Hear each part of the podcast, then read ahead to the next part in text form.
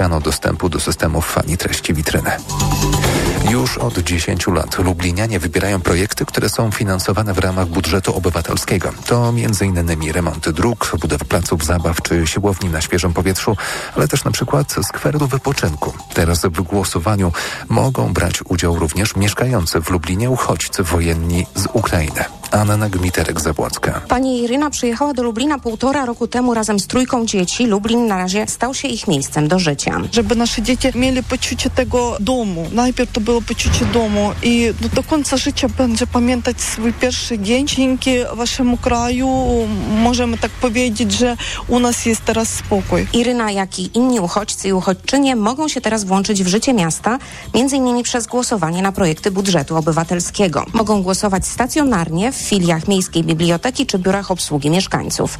Jak mówi prezydent Lublina Krzysztof Żuk, głosowanie to oddanie inicjatywy mieszkańcom. 266 zrealizowanych projektów przez te 10 lat, no to oznacza, że budżet obywatelski jest takim dominującym pierwszoplanowym programem partycypacyjnym. Głosowanie w Lublinie potrwa do 10 października. Anna Gmiterek-Zabłocka, TOK FM. Sprawdźmy prognozę pogody. Pogoda. Poniedziałek przyniesie okresowe zachmurzenie tylko na północy i wschodzie, większe na północy miejscami też słabo opady deszczu. Temperatura od 16 stopni na Pogórzu Karpackim przez 18 na wschodzie, 22 w centrum do 25 na zachodzie Polski. Radio TOK FM. Pierwsze radio informacyjne. Seks Audycja. TOK FM, pierwsze radio informacyjne. Rozpoczynamy kolejną seksaudycję przy mikrofonie Robert Kowalczyk.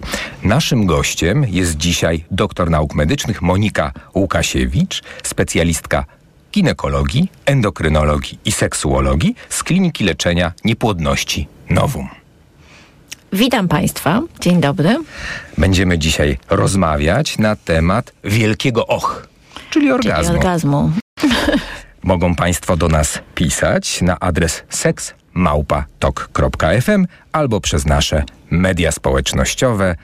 Znajdą nas Państwo pod nikiem Seks Audycja na Instagramie i na Facebooku. Rozpoczynamy kolejną audycję. O seksie, w tym momencie o orgazmie. Orgazm to jest taka kategoria, e, która w seksuologii, w, jako nauce, e, też ma swoje określone miejsce. E, Pierwsza rzecz, którą chciałbym Cię zapytać, Monika, to czym dla lekarza, seksuologa, endokrynologa, ginekologa jest orgazm? Y, jako specjalisty się pytasz, nie?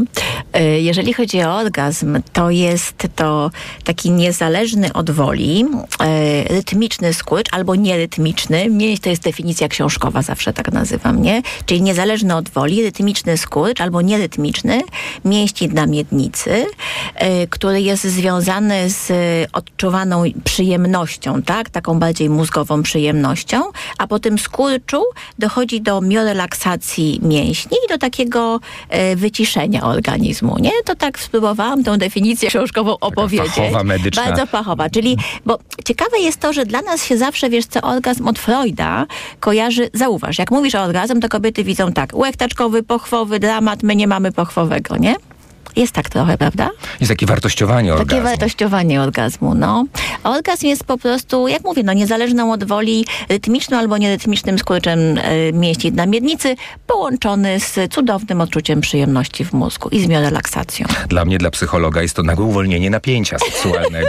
Czyli tutaj w zależności od reprezentowanej dziedziny będziemy mieć definicję. No, A ale- kardiologa będziemy pytać?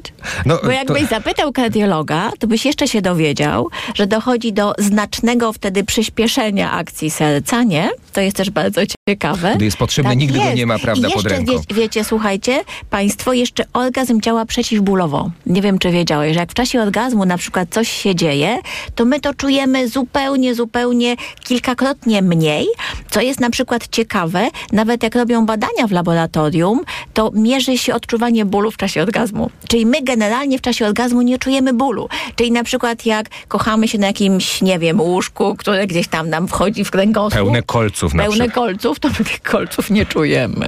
No, to, to bardzo I optymistyczne. nie można się tłumaczyć bólem głowy. O, Bo on powinien podziałać przeciwbólowo, nie? Oj, to w tym momencie zabrałaś argument wielu osobom. Ale wracając e, do mm, orgazmu, do definicji orgazmu, Mhm. czy opisu orgazmu, e, są różne ścieżki dojścia do przyjemności. Bo Mhm. ten orgazm to też jest bardzo indywidualne doświadczenie. Oczywiście ma swój fenomen, prawda, e, w organizmie. Tam jest on umiejscowiony. Natomiast wiele osób w różnych perspektywach opisuje e, orgazm, czy to e, jakby z perspektywie emocjonalnej, poznawczej, behawioralnej i to w zależności od różnych, różnych niuansów, doświadczeń, on przybiera bardzo indywidualne, bardzo wi- indywidualne oblicze. No ale kolejne pytanie do ciebie. E, stymulacja jakich narządów może wywołać orgazm? No właśnie, ze mną nawet zawsze konkretnie, nie? Także ty tu mnie emocjonalnie, ja ci powiem tak.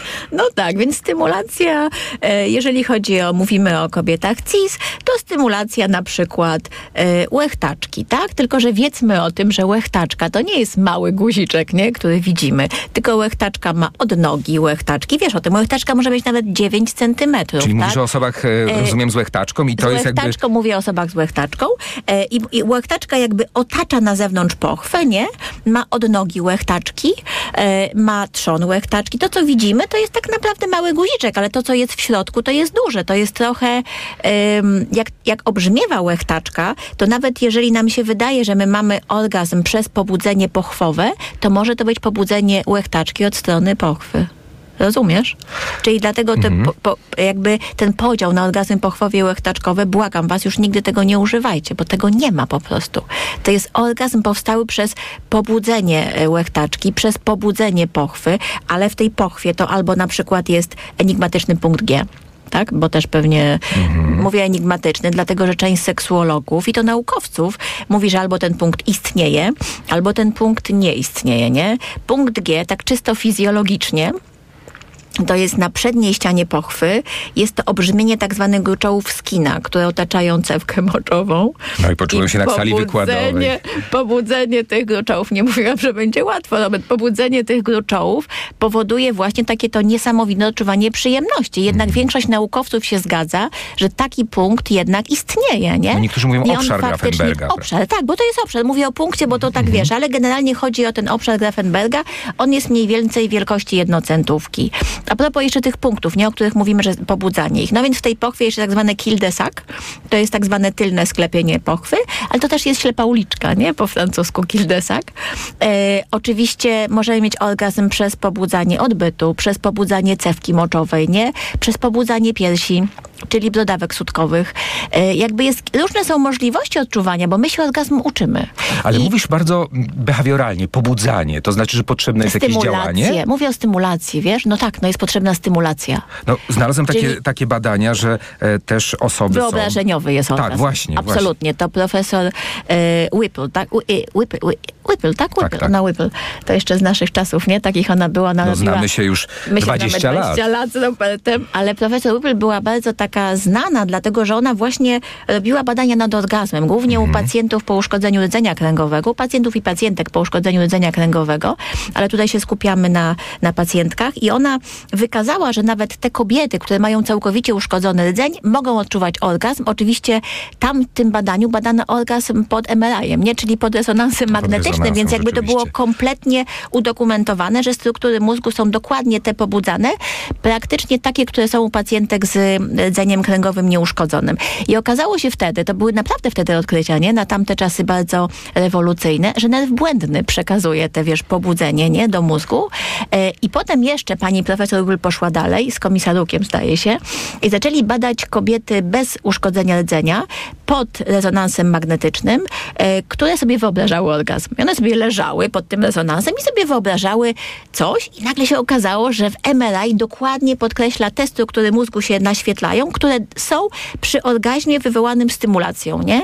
Nie jest to częste, ale jest to możliwe. Doskonałe no. badania Beverly Whipple. E, ale wróćmy też do tego orgazmu, bo tu mówimy fantazja, ale też 6 do 37% kobiet przeżywa orgazm podczas snu. Tak. Tak. Prawda? Czyli to, ta stymulacja też może mieć bardzo Tak. różne, bardzo różne e, oblicza. No dobrze, ale w takim razie jaka jest e, w tym wszystkim rola łechtaczki? Łechtaczki, tak? No więc ta łechtaczka, o której już mówiłam, nie? Która ma e, trzon łechtaczki, która ma odnogi łechtaczki, e, która zbudowana jest z ciał jamistych i z ciał gąbczastych, e, która ma 8 tysięcy zakończeń nerwowych, czyli pobudzanie tych zakończeń nerwowych, nie? Nie mów, ile tych zakończeń jest na penisie, bo to się okaże... tysięcy tych zakończeń. No my tam trochę inaczej. Ale też mamy, zobacz, ciała gąbczaste i ciała jamiste. Mhm. E, de facto ta sama tkanka. E, oczywiście dochodzi do rdzenia kręgowego, nie? Za pomocą nerwów rdzeniowych. No i całe pobudzenie przechodzi do odpowiednich ośrodków mózgu. Co ciekawe, te ośrodki to jest na przykład też... em, ciało migdałowate, ale to są też czasami te ośrodki, które są pobudzane, jak jemy. Jak Mhm. ciekawe. jemy. Ciekawe, nie? Czyli jedzenie, wszystko, Wielkie coś do pan... Tak. Tam też było dużo No. orgazmicznej e, przyjemności. E, czyli mówisz, e, czyli zgadzamy się w tym jako seksuolodzy, że są różne ścieżki dojścia do tego orgazmu. No tak, oczywiście. Skupiliśmy się teraz na orgazmie e, cis kobiet. Dokładnie. e, kobiet, e, osób z łechtaczką. Natomiast jeżeli popatrzymy na doświadczenie osób z penisem, Mhm. czy te same ośrodki, ten sam biologiczny schemat? Y, Wiesz co, powiem ci tak, no jakby ośrodki tak, no bo ośrodki y, odczuwania orgazmu są też w ośrodkowym, znaczy w rdzeniu kręgowym, idą do środkowego układu nerwowego. Schemat jest podobny, tylko że y, schemat jest podobny, tylko że y, u osób z penisem y, powiedziałabym, że mm, ten orgazm najczęściej, najczęściej, bo oczywiście są, są wyjątki, ale bardzo rzadko, y, jest związany z ejakulacją. Najczęściej. Nie oczywiście, że są suche orgazmy, tak? Oczywiście, że są. Czy są na przykład ejakulacje wsteczne do pęcherza, ale ta ejakulacja jest na przykład u pacjentów e, z cukrzycą. Często jest e, jakby powikłaniem cukrzycy typu pierwszego, długi, długotrwałe jest właśnie taka neuropatia, że są e, ejakulacje do pęcherza. Natomiast, e, natomiast u, u, ko, u kobiet, czy u, u osób z, jak tak rozmawiamy, u osób z, z łechtaczką, często jest tak, że one mogą ten orgazm udać. Mogą, rozumiesz o co mi chodzi, tym nie? udawanym O tym orgazmie udawanym jeszcze- jest niestety dramat, no bo to jest łatwe, bo to nam się wydaje, że żyjemy w idealnym świecie i że takich rzeczy nie ma, ale absolutnie takie rzeczy się zdarzają. Ja bym chciał jeszcze wrócić do tego, mm, co powiedziałaś o tym wytrysku, bo Tak. rzeczywiście tak jest, że w przypadku e, osób z penisami Mhm. bardzo często orgazm utożsamiany jest z ejakulacją, wytryskiem, z mhm. ejakulacją. E, tak, natomiast chciałbym do tego za chwilę wrócić, ale wróćmy na chwilę jeszcze do, Mhm. do, mm, do osób e, mm, z łechtaczką. Orgazm, a wytrysk kobiecy. To powiązanie, czy to też jest e, powiązanie Nie, konieczne? nie, nie, to nie jest tak. Tutaj jest część kobiet, to jest tam kilkanaście, to oczywiście zależy od źródeł, bo to jest znowu tak samo enigmatyczne jak punkt G. Mówi się o tych kobietach, wi- mówi się, że to są kobiety fontanny, nie? Że to są kobiety, które faktycznie w trakcie y, podniecenia, y, podniecenia seksualnego wydzielają tak dużo wydzieliny, y, że y, niektóre nawet myślą, że oddają mocz w czasie, w czasie tego podniecenia, co dla nich jest czasami takie bardzo deprymujące i często faktycznie przychodzą i pytają, pani doktor, mam problem, nie, bo jestem tak podniecona, że nie tylko jestem na przykład tak mokra, że myślę, że oddaję mocz, ale na przykład mój partner nic nie czuje. Bo jest, wiesz, tak, tak, tak dużo tej wydzieliny, że ona czasami działa jakby w drugą stronę. I są faktycznie takie kobiety. Wykazano związek między właśnie zwiększoną ilością tej wydzieliny, tego płynu, który właśnie wydzielany jest też między innymi przez te gruczoły skina z y, odpowiednim ćwiczeniem mięśni na miednicy, nie? Potocznie, potocznie nazywanych mięśniami Kegla, ale mówi się, że im silniejsze są mięśnie na miednicy, tym jest też większa ilość y, wydzieliny, nie? Którą niektórzy nazywają kobiecą ejakulacją. Ja tu wertuję książkę. Właśnie Ksi- widzę, że Tak, wertujesz. wertuję książkę, do którą będziemy mieć też dla Państwa. Książkę pod tym Orgazm chce więcej. E, książkę Dorian Solot, Marshall Miller i Maybe Burke. I w tej książce, a propos tego, co powiedziałaś, mięśnie Kegla, mm, to oczywiście droga do silniejszych orgazmów, jak, Tak. jak to podkreśliłaś. Natomiast ćwiczenie mięśni Kegla u mężczyzn może, w tej książce jest mnóstwo ćwiczeń, które mają pomóc e, właśnie osiągnąć orgazmy wielokrotne w przypadku mężczyzn. I ta umiejętność wyćwiczona może powodować, że ten wytrysk będzie zatrzymany i właśnie nie dojdzie do... Jak najbardziej, ale to wiesz co, to jest ćwiczenie. To jest trochę tak, Pół że roku tak tutaj w tej łatwiej... książce piszą. Ja wiem, to się kiedyś chyba nazywały ćwiczenia jelenia w teoseksu, już nie pamiętam, ale tam, bo wiesz co, bo na to temat... brzmi te ćwiczenia jelenia. Tak, ale to miało być dobrze. Wiesz co, bo bardziej y, w tych wszystkich... ym, kiedyś się bardzo dużo czytałam na temat taoseksu, na temat też... y, był kiedyś taki, zapomniałam jak się nazywał, taki bardzo znany seksuolog. On był chyba y, Chińczykiem. On też pisał na temat właśnie ćwiczeń mięśni kegla u mężczyzn, na temat tego właśnie opóźniania orgazmu, nie? Żeby właśnie była, żeby te, mieć kilka orgazmów i na temat opóźniania i też właśnie na temat ćwiczenia mięśni kegla. Zgadzam się z tym, ale wydaje mi się, że to jest mało popularne tak naprawdę u mężczyzn i to, i to myślę, że trzeba tutaj, myślę, że książka, bo też czytałam tę książkę i tutaj faktycznie są podane możliwości ćwiczeń i, i pewnie jest prawdy w tym dużo, tylko że widzisz, coś takiego jest, że na pewno mężczyźni obrzezani e, będą łatwiej mogli to ćwiczyć, dlatego że jak są obrzezani e, i nie mają napletka, to mają dużo jakby to czucie y, żołędzi jest y, dużo mniejsze Mhm. niż i, i znaczy dużo jakby potrzebują dużo więcej bodźców, żeby czuć to samo. W związku z tym im będzie łatwiej trochę opóźnić orgazm. To prawda. No. Odsyłamy do, do publikacji, do książki. E, Jest tam mnóstwo przydatnych ćwiczeń, nie tylko e, związanych z budowaniem e, orgazmów e, wielokrotnych. Wspomniałaś o ćwiczeniu mięśni Kegla też przez kobiety. E, I teraz pytanie. E, Pytanie do ciebie jako ginekologa. E, ponieważ e, ja słyszałem taką opinię, że Ćwiczenie mięśni Kegla oczywiście jak najbardziej, tylko używanie jakichś narzędzi do ćwiczenia em, mięśni Kegla to jest nie za dobry pomysł. Wiesz co, wyjaśnijmy jak to wygląda, bo to jest tak, że po co te mięśnie ćwiczymy, nie? No bo głównie ćwiczymy jednak te mięśnie, mięśnie na miednicy. Najczęściej to jest u kobiet, które mają problemy na przykład po porodzie, albo problemy z nietrzymaniem moczu, albo na przykład wchodzą w okres perimenopauzy i menopauzy i mają wtedy no jakby dużą wiotkość tych mięśni. I teraz jeżeli, bo oczywiście niektórzy, my tutaj myślimy o kulkach, nie? E, Jeżeli mówimy o kulkach, to kulki, które zaczynamy nosić jakby w pochwie i przez to używać mięśni na miednicy, dochodzi do tego, że te mięśnie cały czas mają y, wzmożone napięcie w jedną stronę, tak? Natomiast ćwiczenie mięśni polega na tym, że powinniśmy je rozluźniać i ściskać. Tak mówią właśnie fizjoterapeuci mięśni na uro- miednicy. uroginekologiczni, tak, tak, tak, tak. tak. I oni mówią, że a kulki sprawiają, że cały czas jest napięcie, nie? Bo my je trzymamy, a nie puszczamy i dlatego może to być dla mięśni, dla miednicy niekorzystne. Ale ja bym powiedziała, że jak mamy już cokolwiek robić, to już jak, to róbmy cokolwiek z tymi mięśniami, tak? Nawet jak na przykład Tutaj akurat jest taki fajny przykład, że Dorian chyba, ta jedna z tych autorek, pisze, że jak ona stała przy dystrybutorze i nabierała benzynę, to w czasie nabierania benzyny ściskała i, yy, Rozluźniała, i rozluźniała tak. mięśnie. E, Ja na przykład moim pacjentkom mówię, że jak jedą samochodem, nie stoją na czerwonych światłach, nie? Czyli jak sobie skojarzymy bodziec z czymś, to nam będzie łatwiej. Czyli teraz słuchajcie, jak stoicie przy dystrybutorze, nabieracie benzynę albo ropę i ćwiczycie mięśnie kegla. No wiesz, z tym czerwonym światłem to ostrożnie, bo jak na przykład jest raz na 10 kilometrów światło, a tutaj powiesz w mieście to No ale, ale ćwiczysz, nie? Ćwi- ale tak, widzisz, ale przynajmniej A, kojarzy w ci sumie się z czymś, nie? Tak. To jest tak jak z tym dystrybutorem. Nawet jak ćwiczysz, słuchaj, cztery razy w miesiącu, ale robisz to regularnie, to to jest coś. A my jednak wbrew pozorom coś, co zajmuje nam pięć minut, jest najtrudniejsze do zrobienia.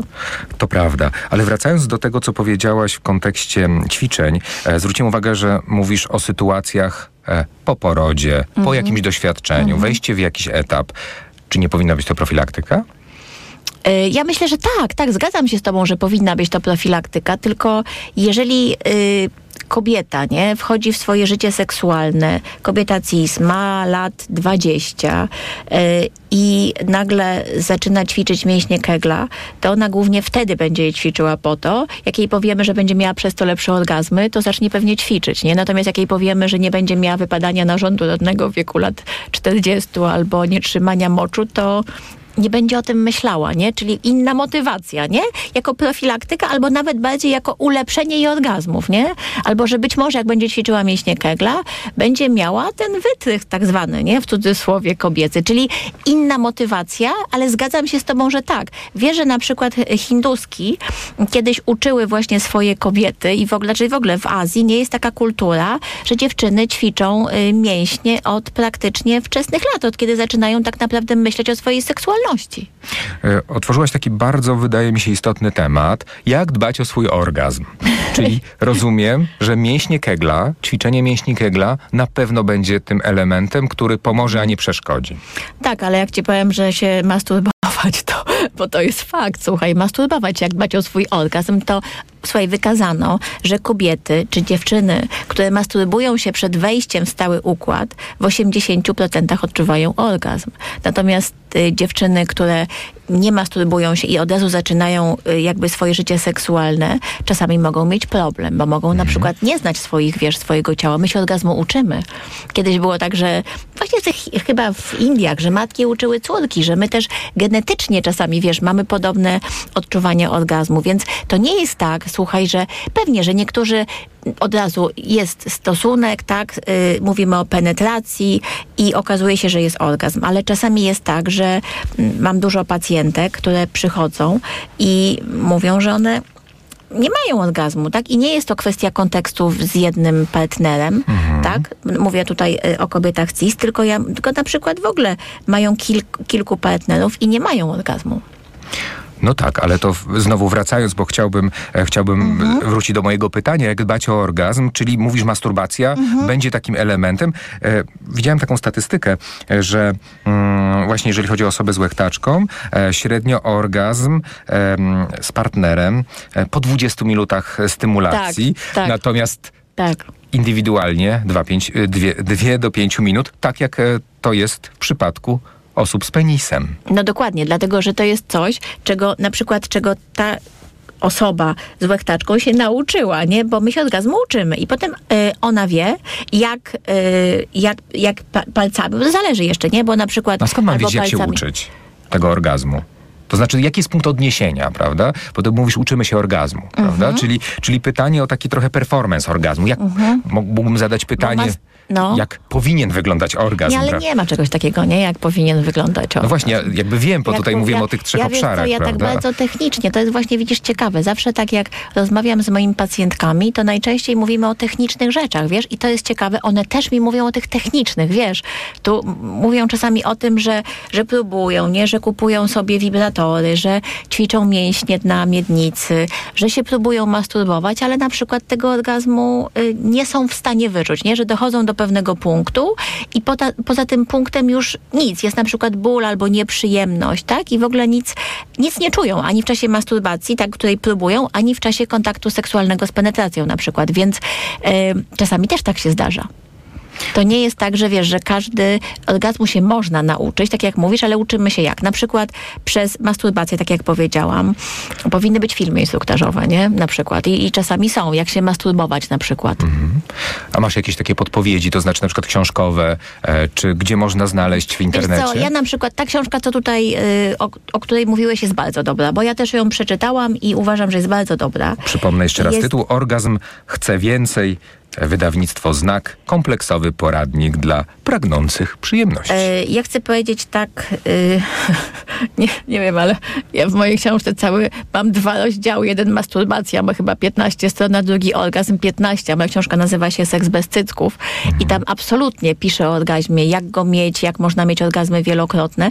Pewnie bez takich szczegółów jak tutaj, nie? Ale myślę, że wiele rzeczy, na przykład często orgazmy wielokrotne ym, mówi się, że ma się wtedy, jeżeli mówimy o osobie z łechtaczką, bo, bo tutaj trochę inaczej to będzie o osobach z penisem, będzie inaczej, ale bo tutaj wydziela się też prolaktyna, nie? W przypadku y, osób z penisem, u kobiet też, ale ta prolaktyna niestety hamuje jakby kolejny orgazm bardzo szybko. Y, ale e, u, e, u kobiet jeszcze jest tak, że ten orgazm musi być, musi być pobudzenie z kilku stron. Czyli na przykład, tak jak mówimy o orgazmach wielokrotnych, czyli mamy na przykład masturbację, mamy właściwą atmosferę. Ja mówię teraz, jak się uczymy, e, wiesz, na pomocą masturbacji. Na przykład powinny być też na przykład taki pewnego rodzaju, oczywiście mówimy o filmach teraz erotyczno-pornograficznych, bo to też jest temat rzeka, tak? Tutaj nie będę wnikać, które są. Chodzi o to, że e, większość jednak e, kobiet e, woli jak się jak jest jakaś akcja, coś się dzieje, nie? Ale te filmy też nas y, podniecają i to wykazano oczywiście w, w MLA-jach i okazuje się, że jak się puszcza kobiecie, y, osobie z łechtaczką, osobie z penisem, puszcza się film i nagle się okazuje, że reagujemy dokładnie tak samo, tylko kobiety po pewnym czasie, bo na początku zaprzeczają, nie? To jest bardzo ciekawe, ale dokładnie tak samo, nie? Przypomina mi się e, scena z filmu, kiedy Harry poznał, Poznał Sally. Sally. Tam jest to słynne jedzenie kanapki, Wiesz, ja tego nie pamiętam? nie? I tam właśnie to ona pokazuje, czym jest A, orgazm. okej. E, Ale wracając do, wracając do mojego pytania, jak możemy pomóc e, orgazmowi, czyli mówisz ćwiczenia, masturbacja, a na przykład, nie wiem, właściwa dieta. Wiesz co, chciałabym powiedzieć aktywność fizyczna. A. Aktywność fizyczna jak najbardziej e, i w ogóle wykazano, bo ja wiesz, muszę wszystko na faktach naukowych i tak patrzę, czy ja coś o diecie czytałam i orgazmie, ale tak, czytałam, ale powiem ci o, o e, aktywności fizycznej. Wykazano, że 30-minutowy wysiłek fizyczny e, u kobiet, było takie badanie, zwiększa przekrwienie w okolicach pochwy i poprawia odczuwanie orgazmu. Więc na przykład czasami jako terapię zaleca się tylko niedługi, tak, bo nie mówimy o biegu przez dwie godziny w maratonie albo cztery, bo to nie, ale półgodzinny aktywność fizyczna poprawia nam odczuwanie orgazmu. Ja często moim pacjentom i pacjentkom mówię, że żeby na przykład, nie wiem, właśnie sobie poszli na chwilę pobiegać, coś porobić, nie, a potem seks i okazuje się, że on jest fajny, że jest fajniejszy, bo u Ale co, chodzi mężczyzn o ogólne pobudza- pobudzenie organizmu? Nie, zwiększa się, po, y, u kobiet pobudzany jest układ współczulny i się okazuje, że się zwiększa ukrwienie w pochwie.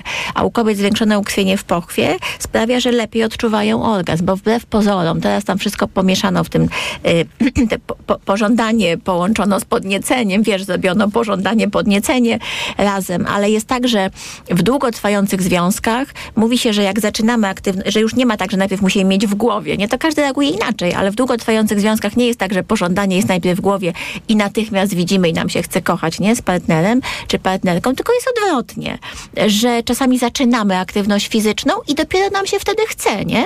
Czyli ten jakby... Albo seksualną. Seksualną, powiedziałam fizyczną. E, nie, nie, bo mówimy o tej fizycznej. Aktywność no też, też spalamy kalorie, ale mówimy, zaczynamy aktywność seksualną i dopiero nam się wtedy chce, nie? Czyli jest jakby odwrotnie. I ta właśnie aktywność fizyczna, i teraz mówię o fizycznej, pomaga w tym, żeby nam się zaczynało chcieć, nie? Od pochwy. E, Co jeszcze jako lekarka byś podkreśliła? E, leki. Ja bym powiedziała, że teraz bardzo dużo osób bierze SSRI. Są to leki przeciwdepresyjne mm, i one są tak często używane, że praktycznie jak się pytam, to często ktoś mówi, nie, nic nie biorę, nie? I potem się okazuje, a dwa, nie wiem, 10 lat, 5 lat, wiesz, bardzo często. A leki SSRI, które są bardzo dobre, tak notabene i bardzo skuteczne, ale one mm, niestety, one wydłużają czas do odczuwania orgazmu i spłycają trochę orgazm. One są przecież używane w przypadku przedwczesnej ejakulacji, nie? Czyli jakby one nam faktycznie trochę upośledzają odczuwanie i faktycznie ten orgazm jest gorzej odczuwalny i mówi się o tak zwanych drug holiday, nie? Żeby po prostu przez, nie brać na przykład dwa dni i wtedy tą aktywność, ale one, wiesz, zostają i tak y, mm, gromadzą się, nie? W organizmie, więc Tak, ja myślę, wysyca, więc on wy, wysycony jest, więc ja myślę, że to mówię, to są, próbuje się jakoś to zmieniać, ale faktycznie jest tak, że te leki mogą upośledzać orgazm. I wtedy cze- często wcale y, ludzie, którzy biorą leki, nie wiedzą tego. Naprawdę. Oni jakby nie kojarzą wzięcia leku z zaburzeniem w swoim życiu seksualnym. Ciekawi mnie też Państwa opinia. E, Co Państwo zauważają, że jest taką receptą na dobry orgazm? E, Patrz, w ogóle nie mówiliśmy o miłości. A to właśnie chciałem o tym za chwilę, wiesz, bo to jest Bo wiesz właśnie... co? Bo ja właśnie... Ale pozwól, że skończę. E, proszę do nas e, pisać z tymi receptami na adres seksmałpatok.fm. E, oczywiście można też do nas pisać przez media społecznościowe na Instagramie i Facebooku pod nazwą Seks Audycja. No i przede wszystkim osoba partnerska. No pytanie.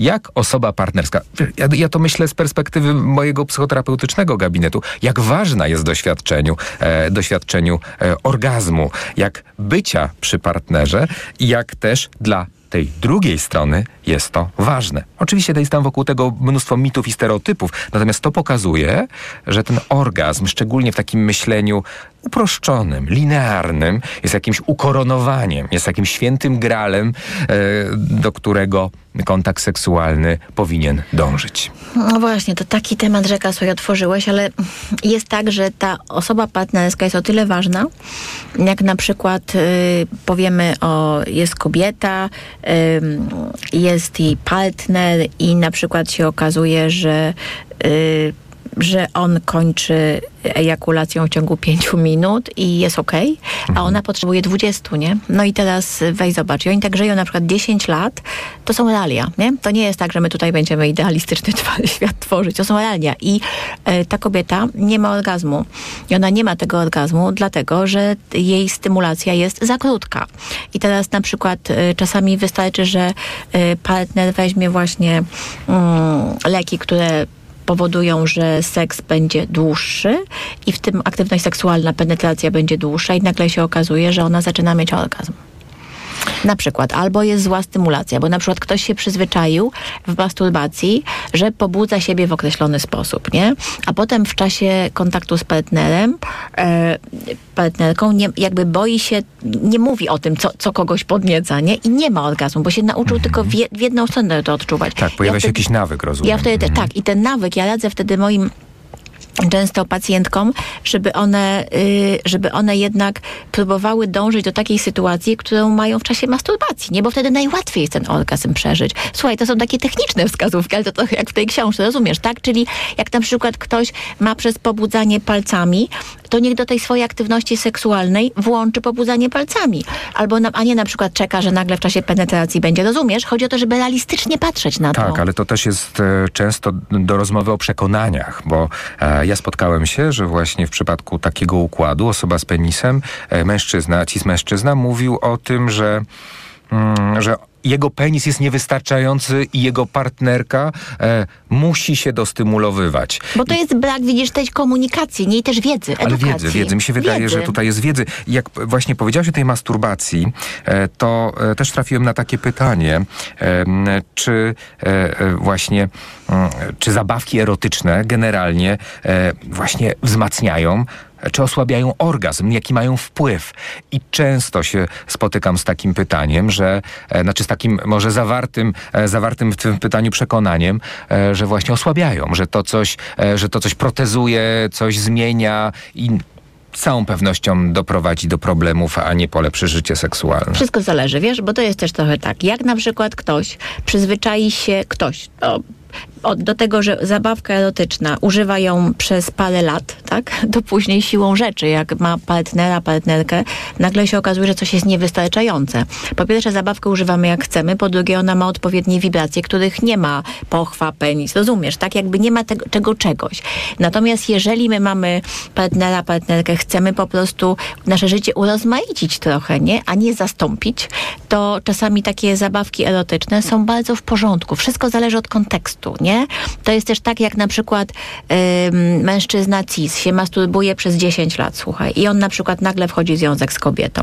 I on się przyzwyczaił do ucisku, który jest bardzo mocny. Ja już o tym mówiłam, słuchaj, nie wiem, z 15 lat to jakby to było dla mnie takie oczywiste, jak przychodziły do mnie pary yy, i nagle, wiesz, oni zaczynają kochać i on nic nie czuje, nie? On nic nie czuje, bo pochwa nie ma takiego ucisku, jak ma, wiesz, i nagle on nie wie dlaczego, nie? I też jakby dopiero, wiesz, że dopiero powiedzenie wtedy temu komuś, czy tam iluś tam, bo takich osób było naprawdę dużo, yy, że, że to jest kwestia ucisku, nagle ktoś mówi, tak, faktycznie, nie?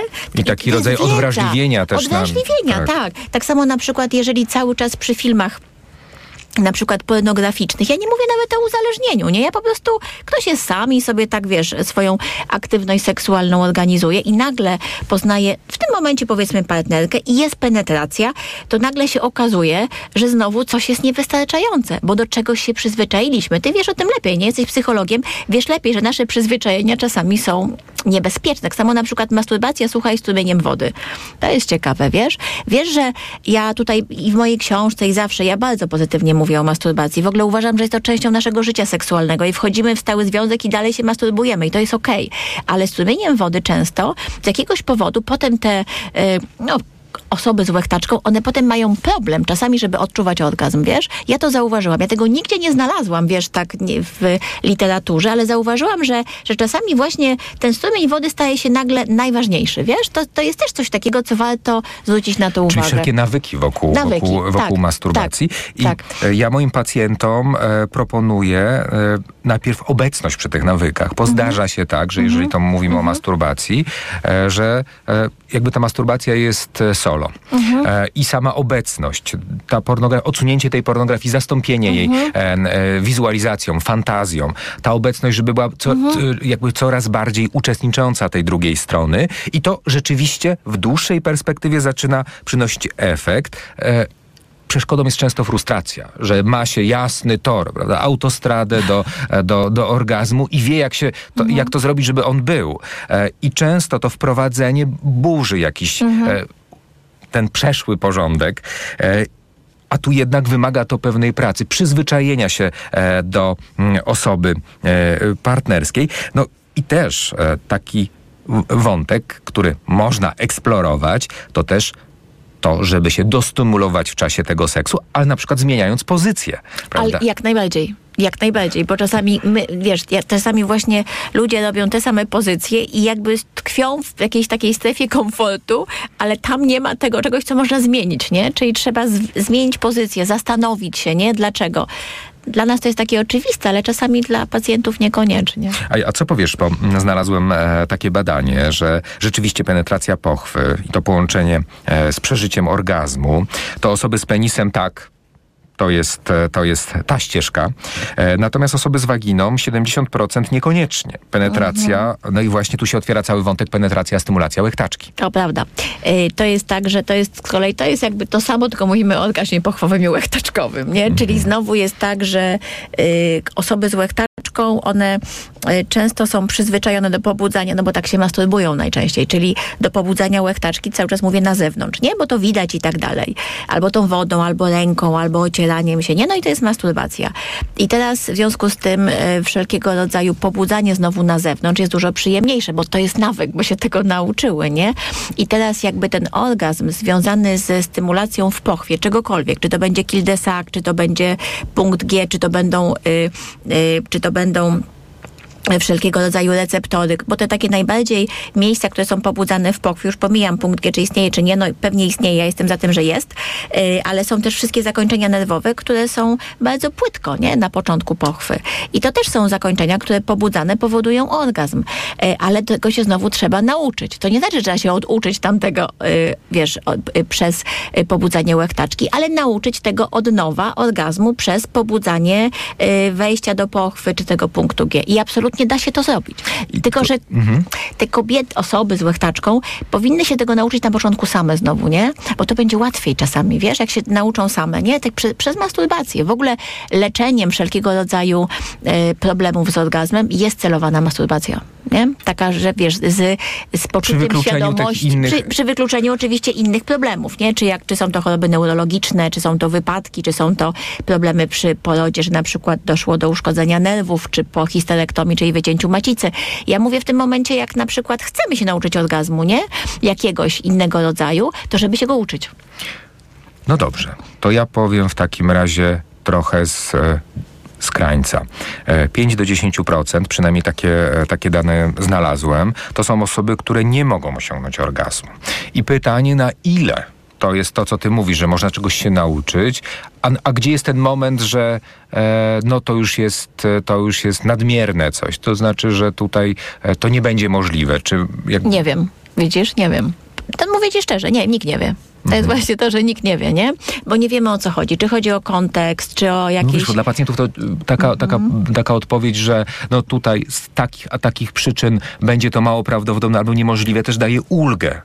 A mówi, znaczy nie, no to mówimy o chorobach, tak? No tam powiedzmy, Mhm. jak pacjent ma, jest po uszkodzeniu rdzenia, nie? No, Jak mówimy o takich tak, sytuacjach, ja myślałam, że ktoś przychodzi i jest zupełnie zdrowy, nie? Ty mówisz o chorobach. No właśnie, jak jest najbardziej. zupełnie, zupełnie zdrowy, to znaczy przychodzi, czy może tak być, że anatomicznie em, jest to niemożliwe? Nie, nie, wiesz, to czasami jest faktycznie tak, że mam takie pacjentki, one przychodzą i wiesz, i wszystko jest to, bo one zawsze, zawsze jak jest, masz rację, odpowiedź, to zawsze jest łatwiej coś zrozumieć, nie? A tak, wszystko jest dobrze, jest anatomicznie, jest w porządku partner, stymulacja trwa długo, nie rozumiesz, jakby wszystko wydaje się, że jest ok, a nie ma orgazmu, nie? I, i, i ktoś się uczy, i, i filmy ogląda, i zaczyna, i się masturbuje, i dalej nie ma, nie? I wtedy czasami są sytuacje, że, że, że wcale możemy tego orgazmu się nie nauczyć. Tak jak mówisz o tych procentach, co jest oczywiście smutną statystyką, ale jest możliwą jest możliwą. Ja bym tutaj nie uważała, że jest to niemożliwe. Natomiast są sytuacje, w przypadku na przykład, jak tak mówimy o tym uszkodzeniu rdzenia kręgowego, to często nawet film był, nie? No ale to tak faktycznie on był trochę oparty na wiedzy medycznej, że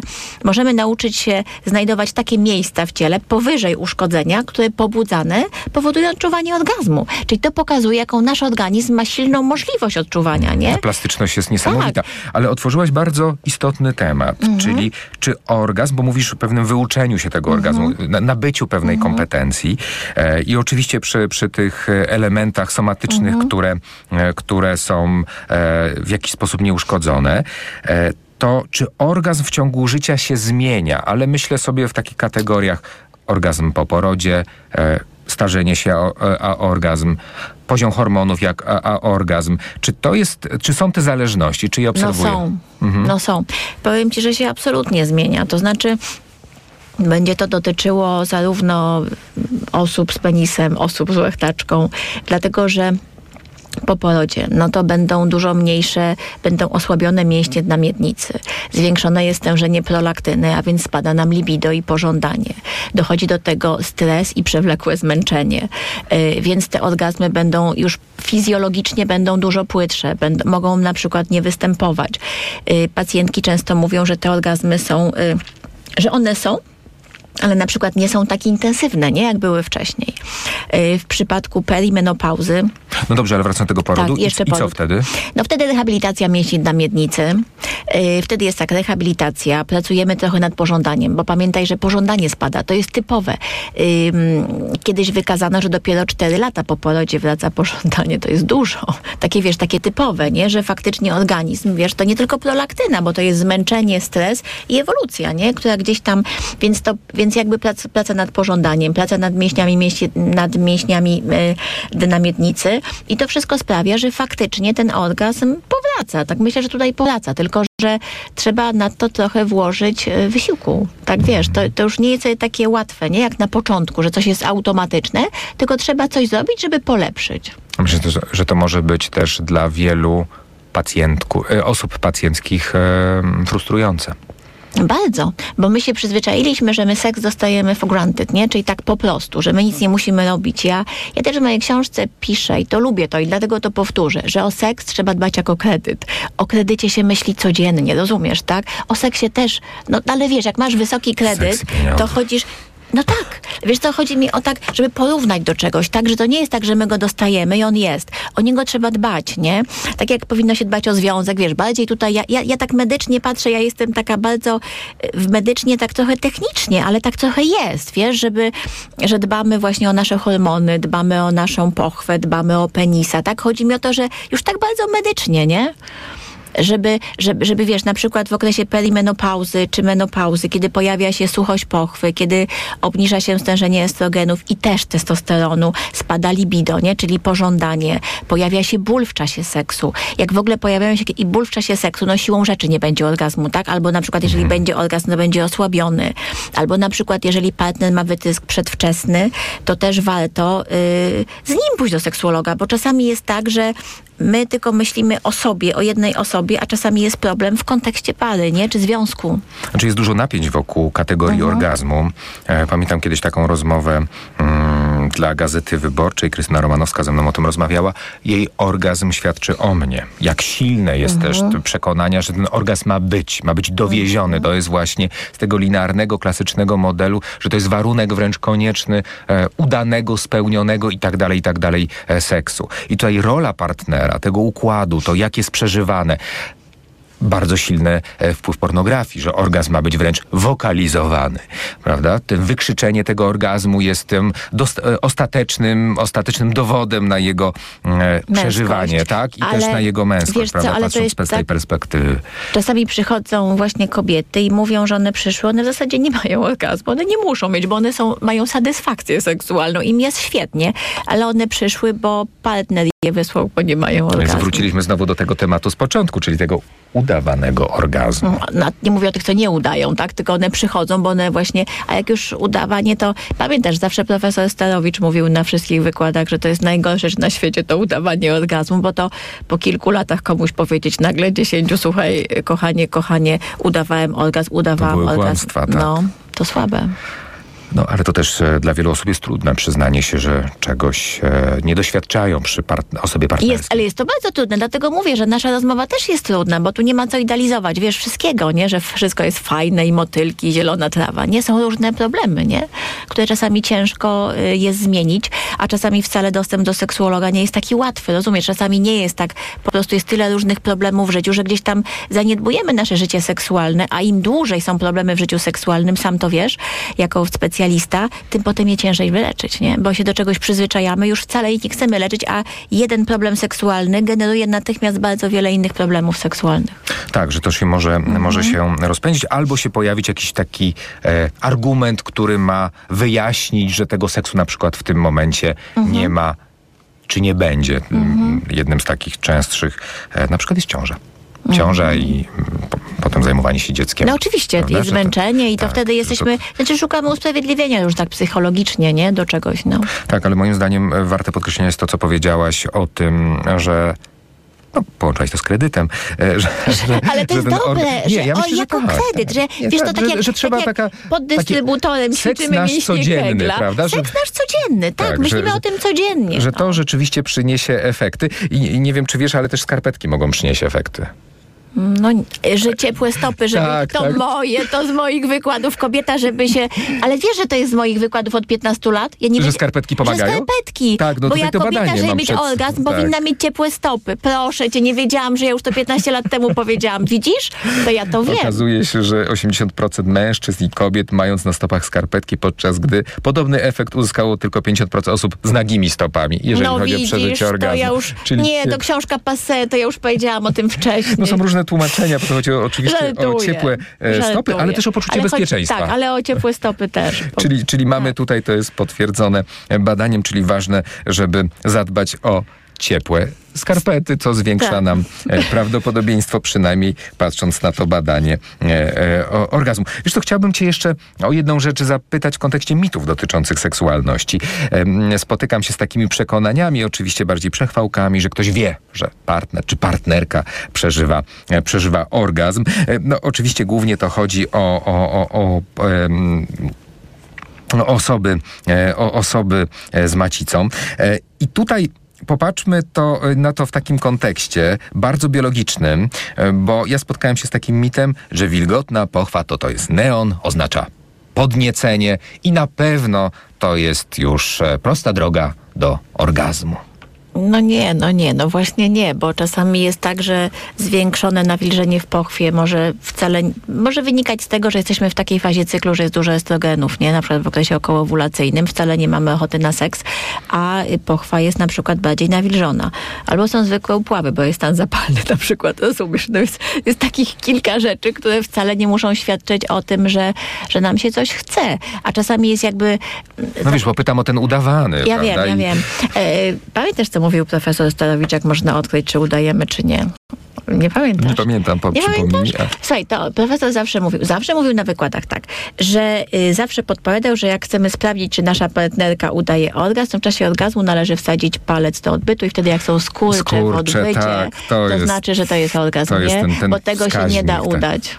To prawda. No. No. to, to, to, to też taka dla zaawansowanych metoda. Dla zaawansowanych, ale... No dobrze. E, chciałem Ci jeszcze zapytać o takie trudne doświadczenie, bo ja się z nim spotykam w gabinecie. E, doświadczenie orgazmu, e, a przemoc. Y, tak, to jest, na pewno się spotykasz częściej niż ja, nie? To jest jakby oczywiste. Natomiast ja w takich sytuacjach na pewno gdzieś, ja, ja mam wtedy poczucie u tych dziewczyn, kobiet, takiego dualizmu. Ja mam poczucie, że one z jednej strony chcą mieć życie seksualne, a z drugiej strony robią wszystko, żeby go nie mieć, nie? A jak zaczynają je mieć, to mają poczucie winy i flashbacki z przeszłości, nie? I jest to bardzo trudne. I, I, jest to bardzo trudne. Nie wiem, jak ty sobie z tym radzisz. Oczywiście wiadomo, tak, że często są to dziewczyny już pod, po konsultacjach i psychologów, i psychiatrów, nie? I jakby często, często jest ciężko prze, y, taką traumę przerobić. No, dla mnie tutaj praca jest wielospecjalistyczna. Mhm. No właśnie o tym mówię. Lekarz, tak. Ginekolog, tak, lekarz, psychiatra, tak. E, psychoterapeuta. Tak. E, mhm. I rzeczywiście to doświadczenie tak to może zmienić. I to mhm. e, też na takiej zasadzie, bo ja mówię o takich e, doświadczeniach, że na przykład jest chęć budowania relacji, jest mhm. się już w tej relacji, e, chce się odciąć od mhm. tego, co było. i dalej gdzieś są echa takie, że właśnie jest zablokowana odczuwanie orgazmu, ale też mhm. szerzej przyjemności. Mhm. E, I to pytanie, co dalej, prawda? Mhm. I też taka frustracja, że no w końcu jestem przy bezpiecznej mhm. osobie, mam tą możliwość e, i taka złość do siebie, no że, że, że właśnie tego elementu, e, znaczy jakby brakuje czegoś. I, e, I to rzeczywiście może powodować e, ogromne e, poczucie niesprawiedliwości. Mhm. I tak jak wspomniałem wcześniej, no twoja rola absolutnie E, jest tu e, niezwykle istotna. Natomiast ja myślę sobie o całym systemie, który e, próbuje pomóc. Orgazm to też taka kategoria mm, psychologiczna. E, I jest mnóstwo przekonań na temat orgazmu, jaki on powinien być. Trochę dzisiaj się rozprawiliśmy z tymi e, przekonaniami, że są różne orgazmy właśnie z takiej konstelacji poznawczo-biologiczno-emocjonalnej e, i każdy konstruuje ten swój pomysł na, na to, jak ten orgazm optymalny, bo też nie chcę powiedzieć idealny, bo to jakoś pasuje mi jakoś do, do, do wzornika surf, a, a, a lepiej, żeby tak nie było. Natomiast znalazłem w książce 10 powodów, by osiągnąć orgazm. Dawaj. Ja mam powiedzieć? A, a, a, dla ciebie jakie to mogą być powody? Kiedyś tak. uważano, że orgazm służy zapłodnieniu. Pamiętasz? Takie... Zbliża ludzi do siebie, bo się oksytocyna wydziela. Zbliża, no, oksytocyna, zbliża tak, i wazopresyna. Cementuje związek. Wpływa na odporność. Zwiększa... Nie czytałam tego na końcu. Powiem ci, nie czytałam. Wpływa na odporność, zwiększa odporność. Wpływa na długowieczność. Zmniejsza ryzyko raka prostaty i raka piersi. Powoduje, że skóra jest ładniejsza. Włosy są ładniejsze i bardziej ukrwione nie mam pomysłu więcej. Ale wiesz, tutaj mówisz jako wręcz pana, e, takie panaceum. Na ile, takie działa przeciw, działa przeciwbólowo, tak, tak. czyli na przykład działa na bóle głowy, poprawia nam humor i nastrój, działa przeciwdepresyjnie, poprawia nam obraz własnego ciała, poprawia nam naszą wartość. W ogóle udane życie seksualne, słuchajcie, to jest coś, co, o co naprawdę powinniśmy dbać uwagę bardziej niż o kredyt czego. Jest za darmo. Ja się tym Ale powiedziałam, że bo ja ciągle o tym kredycie nawet to jest, Tutaj wymienię te przykłady, które pojawiły się w książce. Jest za darmo, jest legalny, zmniejsza mm, stres, dobrze działa na serce, skórę e, i mózg. Boże, jestem genialna, powiedziałam to samo. Pomaga zasnąć. No, facetom, czyli osobom z penisami. A. No, kobiety nie. Kobiety po seksie osoby z, najczęściej z łechtaczkami, słuchajcie, leżą i analizują, czy było fajnie, czy warto powtórzyć doświadczenie. Facet, y, tak, zapala papierosa i idzie spać za chwilę, nie? Ale coś w tym jest, no. Wiesz co, coś w tym jest, naprawdę, że taki, jakby... To takie filmowe, To nie jest filmowe, to jest akurat, no tak... Ta analiza, Taka tak? analiza pokazuje, że faktycznie y, faceci po y, seksie, jakkolwiek, y, po seksie po prostu, oni są śpiący, przy, zaczynają myśleć o czymś zupełnie innym, nie o nowym, co będzie jutro, jak pójdę do pracy i tak dalej, łup śpi. Kobieta po seksie analizuje, po prostu analizuje wszystko i czy warto powtórzyć udane dość, czy, y, to doświadczenie i czy ono było udane. A chciałem kolejne przeczytać. Można, może uwolnić się od bólów menstruacyjnych i bólów głowy. Bo powiedziałam to na No tak, ale początku. mówię, żeby o tym myśleniu. E, jest dostępny niezależnie od tego, czy masz partnera, czy go nie masz. I to jest najfajniejsze na samym końcu. Bardzo. To niezwykłe doznanie. Dlaczego nie? Jaki bonus? Nie ma nic, co mogłoby się z nim równać. Piękne. Ale to taka doskonała, doskonała puenta. Mamy dla Państwa książki Orgazm chce więcej, kompleksowy poradnik dla pragnących przyjemności. E, proszę do nas pisać na maila dla Was małpa tok.fm. Dzisiejszą audycję prowadził dla Państwa Robert Kowalczyk, a moją wspaniałą gościnią była Monika Łukasiewicz, moja serdeczna przyjaciółka od lat. Taka rozmowa to naprawdę mm, potrafi poszerzyć horyzont. Bardzo dziękuję, bo było naprawdę fajnie. Bardzo dziękuję. Dziękujemy też Państwu za wysłuchanie seks audycji i słyszymy się za tydzień. Seks Audycja. Radio TOK FM. Pierwsze radio informacyjne.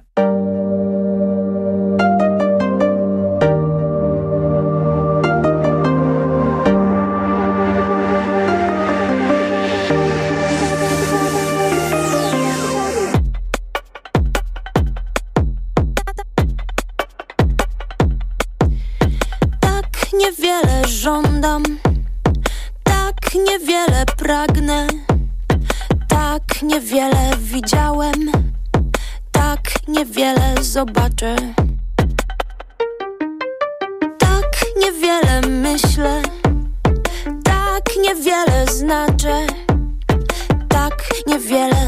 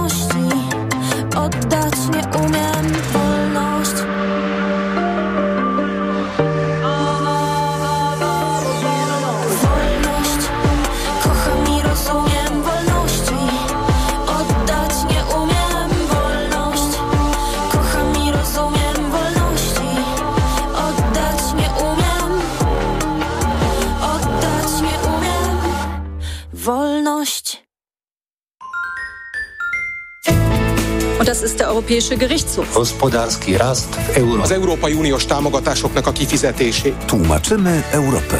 W każdy poniedziałek po 14.40. Parlement européen. Europa en Europe. Magazyn europejski. Zaprasza Maciej Zakrocki.